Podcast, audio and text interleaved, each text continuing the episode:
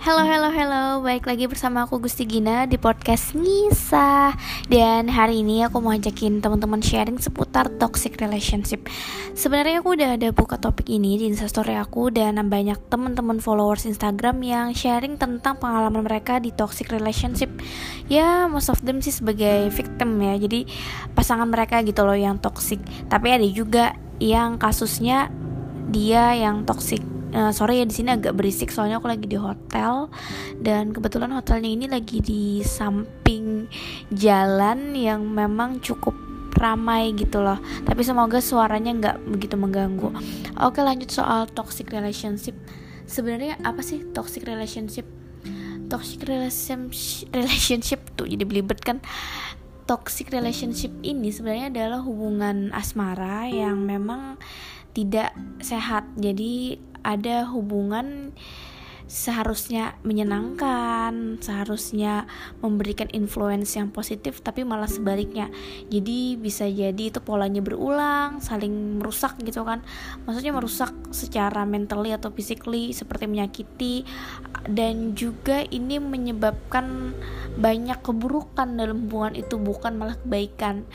Bisa jadi diikuti dengan sikap-sikap kayak posesif, cemburuan, mendominasi, memanipulasi gitu atau bahkan pelecehan. Nah, pelecehan ini bisa pelecehan seksual juga mengarah ke sana. Nah, terus kenapa sih kita ada dalam hubungan yang uh, bertau bertahan pada hubungan ya pun ribet banget bertahan pada hubungan toxic relationship sebenarnya ada beberapa alasan yang pertama itu bisa jadi karena kita terjebak pada pikiran kita, pada pikiran kita bahwa kita itu merasa stuck gitu loh sama orang ini. Kita merasa kayak kayaknya kita harus sama dia. Apa pun terjadi kita ya terjebak sama dia atau bahkan kita merasa kayak nggak ada yang bakal lebih baik daripada dia dan aku kayaknya nggak pantas gitu dapat orang lebih baik daripada dia. Alasan kedua itu bisa jadi karena kita merasa ini terkait dengan diri kita sendiri. Jadi kita memang tipikal orang yang tidak bisa sendiri. Jadi semacam ah aku kalau putus nih kayaknya aku nggak bisa sendiri. Aku nggak sanggup mau apain sendiri. Biar aja lah kayak gini sama dia disakit segala macam daripada aku sendiri. Atau bisa jadi itu karena manipulasi pasangan kamu bisa juga sehingga muncul perasaan seperti itu. Dan kalau misalnya tidak berpikir dengan jernih gitu nggak ngerasa dimanipulasi ya bakal tetap ada seperti itu jadi tetap mudah dimanipulasi sama pasangan. Akhirnya kita merasa kita kayak gimana ya ini kayak playing victim gitu loh. Jadi seolah-olah yang bersalah itu kita yang seolah yang menyebabkan masalah itu kita. Jadi kita merasa oh ini hubungan ini berjalan dengan jelek dengan tidak bagusnya itu karena kita gitu padahal itu adalah hasil manipulasi pasangan kita. Itu bisa terjadi sehingga kita malah banyak menyalahkan diri sendiri. Dan terus ada juga penyebab lainnya kenapa kita tetap engage di jenis relationship seperti ini adalah karena kita semacam apa ya pembalasan jawaban pencarian dari masa lalu kita. Jadi misalnya kita punya trauma gitu ya di masa kecil. Sorry ini aku agak stop sedikit karena aduh motor yang lewat luar biasa nyaring banget sih. Nah, misalnya kita ada trauma gitu di waktu kecil, jadi semacam kayak uh, ayah kita abusive gitu kan waktu kecil atau saudara kita atau siapa pun dan kita merasa I have to find another better man misalnya kayak gitu dan kita ngerasa pasangan kita itu sudah jauh lebih baik gitu dibanding orang-orang kita nggak suka di masa lalu bisa jadi itu adalah hasil dari traumatik kita di masa lalu. Nah, terus pertanyaannya adalah kenapa seseorang bisa menjadi toksik? Kenapa seseorang bisa begitu posesif, dominan, arogan, egois dan lain-lain? Nah itu berkaitan dengan kepribadiannya dia Terkait dengan traits Dan bahkan ini juga bisa berhubungan sama genes ya gen. Jadi coba dilihat mungkin orang tuanya juga seperti itu. Karena kebanyakan itu bukannya menurun tapi dia terinfluence dari orang tua. Jadi bisa jadi karena tipe pola asuh orang tuanya seperti itu di rumah misalnya yang keras ataupun juga memberikan contoh dominan posesif dan lain-lainnya itu bisa menjadi refleksi ke diri pasangan kita dan dia seperti itu. Nah, ini menyebabkan self esteem atau harga diri dia itu rendah. Sehingga dia kayak mencari gimana caranya membuat dia merasa lebih baik. Akhirnya dia tuh semacam punya keinginan untuk check control of everything in our life gitu loh. Semuanya pengennya dia aja, pusatnya dia aja. Nah, itu bisa jadi seperti itu. Dia bersikap uh, toxic ya karena itu gitu loh. Dan kita sebagai pasangan sebenarnya punya toleransi kan. Kita kan setiap pasangan bahkan pasangan yang sehat pun secara hubungan itu pasti struggle-nya juga luar biasa. Apakah kita bisa mentolerir mentolerir sikapnya dia sifatnya dia seperti itu atau tidak. Nah itu tergantung kamu sendiri. Jadi nggak bisa gitu loh satu kasus itu sama semua reaksinya. Terus caranya seandainya kita belum menjadi dalam hubungan saya di PDKT gitu gimana sih caranya biar nggak termasuk terperangkap dalam toxic relationship? Sebenarnya adalah dengan cara mengidentifikasi uh, defense mechanism kita. Jadi kita benar-benar harus tahu tentang gimana sih kalau misalnya kita mendapatkan perlakuan seperti ini kita kayak gimana kita enak apa enggak gitu kan. Terus kita juga masih tahu apakah kita benar-benar pengen sama orang ini sama cowok ini atau cewek ini atau kita cuma pengen sama dia karena gak mau sendirian gitu loh. Kita cuma takut akan kesepian takut akan kehampaan. Jadi kita butuh dia. Nah terus Selainnya juga adalah untuk mencari tahu kenapa kamu dengan pasanganmu berhubungan itu maksudnya dalam sebuah keputusan yang ngambil keputusan dia. Itu kenapa gitu loh apakah kamu memang tidak punya power atas pendapat kamu atau tidak selain itu juga intinya sih kayak gini intinya adalah untuk menganalisa diri kamu sendiri kamu tuh orangnya kayak gimana, batas toleransi kamu seperti apa dalam hubungan, dan analisa juga pasangan kamu seperti apa dan sifatnya dan pola hubungan kalian. Apakah pola hubungan kalian selama ini baik atau tidak? Terus kalau misalnya nih ya, aku mungkin aku bakal cerita dikit ya, sesuai podcast ini kan biasanya didasari dengan kisah gitu. Jadi salah satu cerita dari beberapa teman followers itu yang menurut aku agak sedih ya itu adalah dia cewek.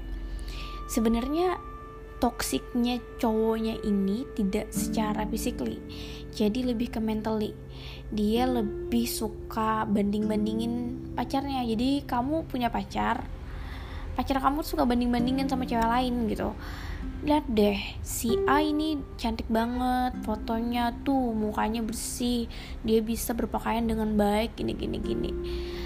Memang dia nggak mukul kamu dia nggak nyubit kamu atau menampar kamu enggak tapi dia melukai hati kamu.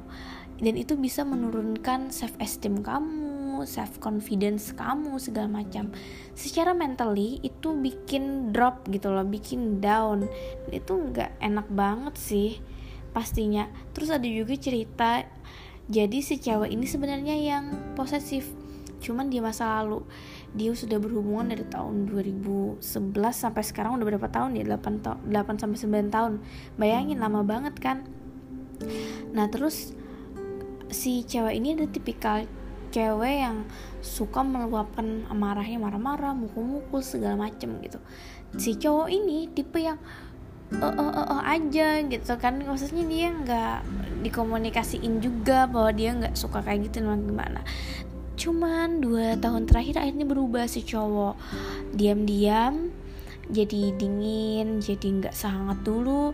Ternyata di balik hubungan mereka yang datar, flat gitu, akhirnya terkuak kalau si cowok ini suka punya akun Instagram lain dan suka apa ya stok cewek-cewek yang seksi yang bisa bo bisa di booking gitu bisa jasa video call seks gitu.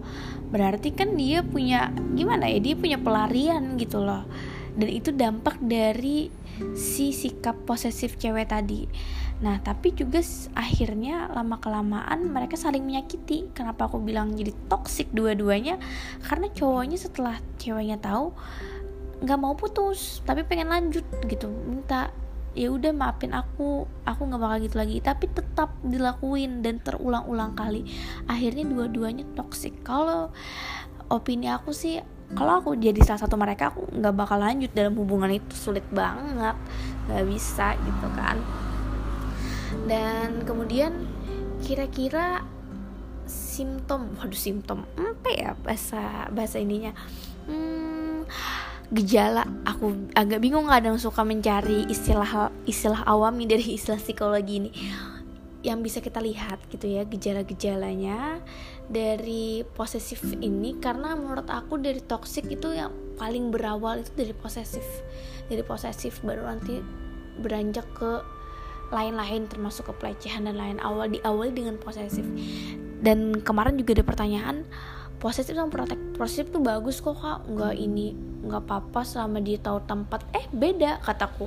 Posesif sama protektif itu beda. Kamu harus bedakan. Ketika dia protektif dia berniat untuk melindungi dan dia menghargai kamu atas hidup kamu. Dia nggak membatasi. Tapi kalau posesif itu sudah aku bilang dia he or she wants to take control everything everything. Jadi benar-benar pengen kontrol semuanya. Dan ini benar-benar mendominasi diri kita jadi dia itu pasangan tapi dia mendominasi kita. Bahkan secuil aja gitu keputusan hidup kita dia juga harus memutuskan. Ini posesif beda sama protektif. Protektif in healthy way posesif in bad way. Ya kurang lebih begitulah ya. Terus juga kalau posesif ini udah masuk ke arah spy. Spy. Memata-matai gitulah. Dia udah kayak tracking everything of your phone Instagram apa ya pesan segala macam. Tapi kalau kamu nerima dan kamu oke oke aja ya nggak apa-apa. Kayak aku kan sama pasangan aku kita masing-masing login di Instagram pasangan dan kita merasa baik-baik aja berdua. Kita deal gitu loh. Oke kita kayak gini. Dan aku nggak ngerasa diposesifin dia juga karena kita udah sama-sama suka. Jadi kalau posesif itu salah satunya merasa tertekan gitu loh nggak suka dengan sikap itu. Terus juga uh, posesif ini akhirnya juga yang bikin pasangan jadi hubungan tersiksa gitu. Terus ada tadi pertanyaan juga di DM Instagram, katanya itu udah masuk pelecehan atau enggak? Karena ada sebelumnya yang kasus dia itu uh, diajak cowoknya buat enak-enak having sex gitu, tapi dia nggak mau. Cuman kalau sekedar bukan sekedar lagi ya, maksudnya ini belum menikah kasusnya untuk kissing, pelukan, mungkin ya grepe-grepe gitu ceweknya nerima. Tapi ketika si cowoknya ngajak having sex, ceweknya nolak gitu. Terus si cowok itu kayak kayak marah gitu, kayak nyalahin, kayak kayak marah-marah gitu dan mau udah gak enak lagi dan ada DM yang balas itu udah masuk pelecehan gak sih? katanya. Karena aku posting kan storiesnya. Aku bilang pelecehan itu batasnya adalah dimau dan tidak mau. Diterima dan tidak diterima. Jadi ketika laki-laki dan perempuan melakukan sexual activity gitu kan tapi kedua-duanya mau dan menerima si cewek menerima misalnya itu bukan pelecehan. Tapi kalau misalnya si cewek merasa keberatan merasa dirugikan merasa diterima, di, tidak menerima itu artinya pelecehan.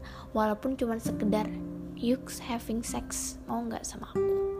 Kalau si ceweknya bilang nggak aku nggak mau. Kamu ya kamu nggak cinta sama aku kamu nggak sayang sama aku karena kamu nggak mau having sex sama kamu. Mana bukti kamu?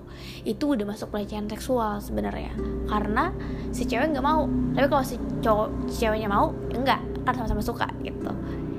Ya mungkin sampai sini aja sih dulu sharing aku tentang toxic relationship. Oh ada lagi. Aku tadi juga bikin uh, di story aku tentang gimana caranya untuk untuk sembuh lagi. Ya untuk pokoknya healing gitu kan dari toxic relationship.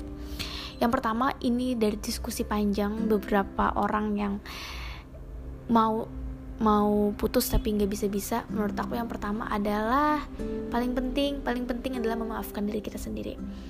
Karena kebanyakan dari orang-orang yang mengalami toxic relationship dia kayak ini salah aku salah aku milih dia salah aku dia begini. Karena aku begini akhirnya stop stop doing that. Kamu harus forgive yourself dan kamu bisa berpikir lebih jernih lagi ke depannya. Yang kedua adalah relax. Kamu harus butuh waktu. Butuh waktu karena tiap orang beda-beda. Jadi nggak bisa dalam satu hari kita langsung pengen move on gitu. Sulit sih. Terus juga tetap self care sama diri sendiri jangan mengurung diri terus nggak mandi berhari-hari stop. Jadi benar-benar tetap dirawat diri karena kalau masih kita bersih dan kita merasa berdandan ya kayak cewek kita bakal ngerasa good mood. Dan keempat itu cari social support mau kamu curhat kayak sama teman sama sahabat atau kamu udah kayak ngerasa ini batin aku benar-benar tersiksa I need professional ya silahkan datang ke psikolog terus minimal kan pergi ke tempat-tempat yang mengingatkan kalian.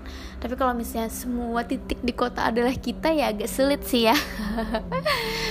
Cobalah untuk tidak terlalu mengingat-ingat gitu loh. Walaupun nggak bisa dilupakan sih sebenarnya.